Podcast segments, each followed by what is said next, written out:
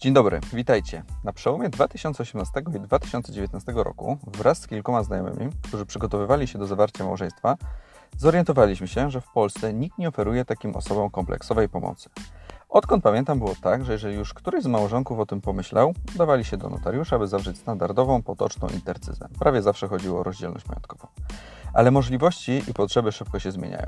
Obecnie Polacy coraz później wkraczają w związki małżeńskie. Często mając już zgromadzony majątek, równie często pokaźny majątek. Często mając też świadomość, że wykonują ryzykowny zawód, a ponoszą odpowiedzialność całym swoim majątkiem.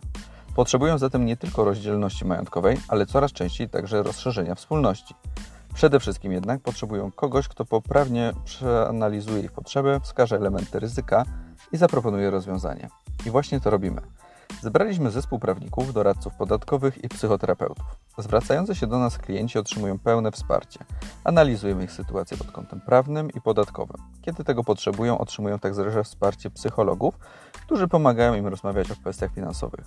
Dzięki temu nasi klienci nie tylko otrzymują skrojoną na miarę umowę majątkową, ale także poczucie, że kiedy w życiu zawodowym coś pójdzie nie tak, majątek rodziny będzie bezpieczny.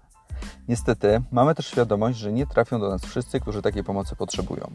Dlatego stworzyliśmy ten podcast, za którego pośrednictwem chcemy Państwa, psychologów, psychoterapeutów pracujących z parami edukować w zakresie prawa rodzinnego i majątkowego.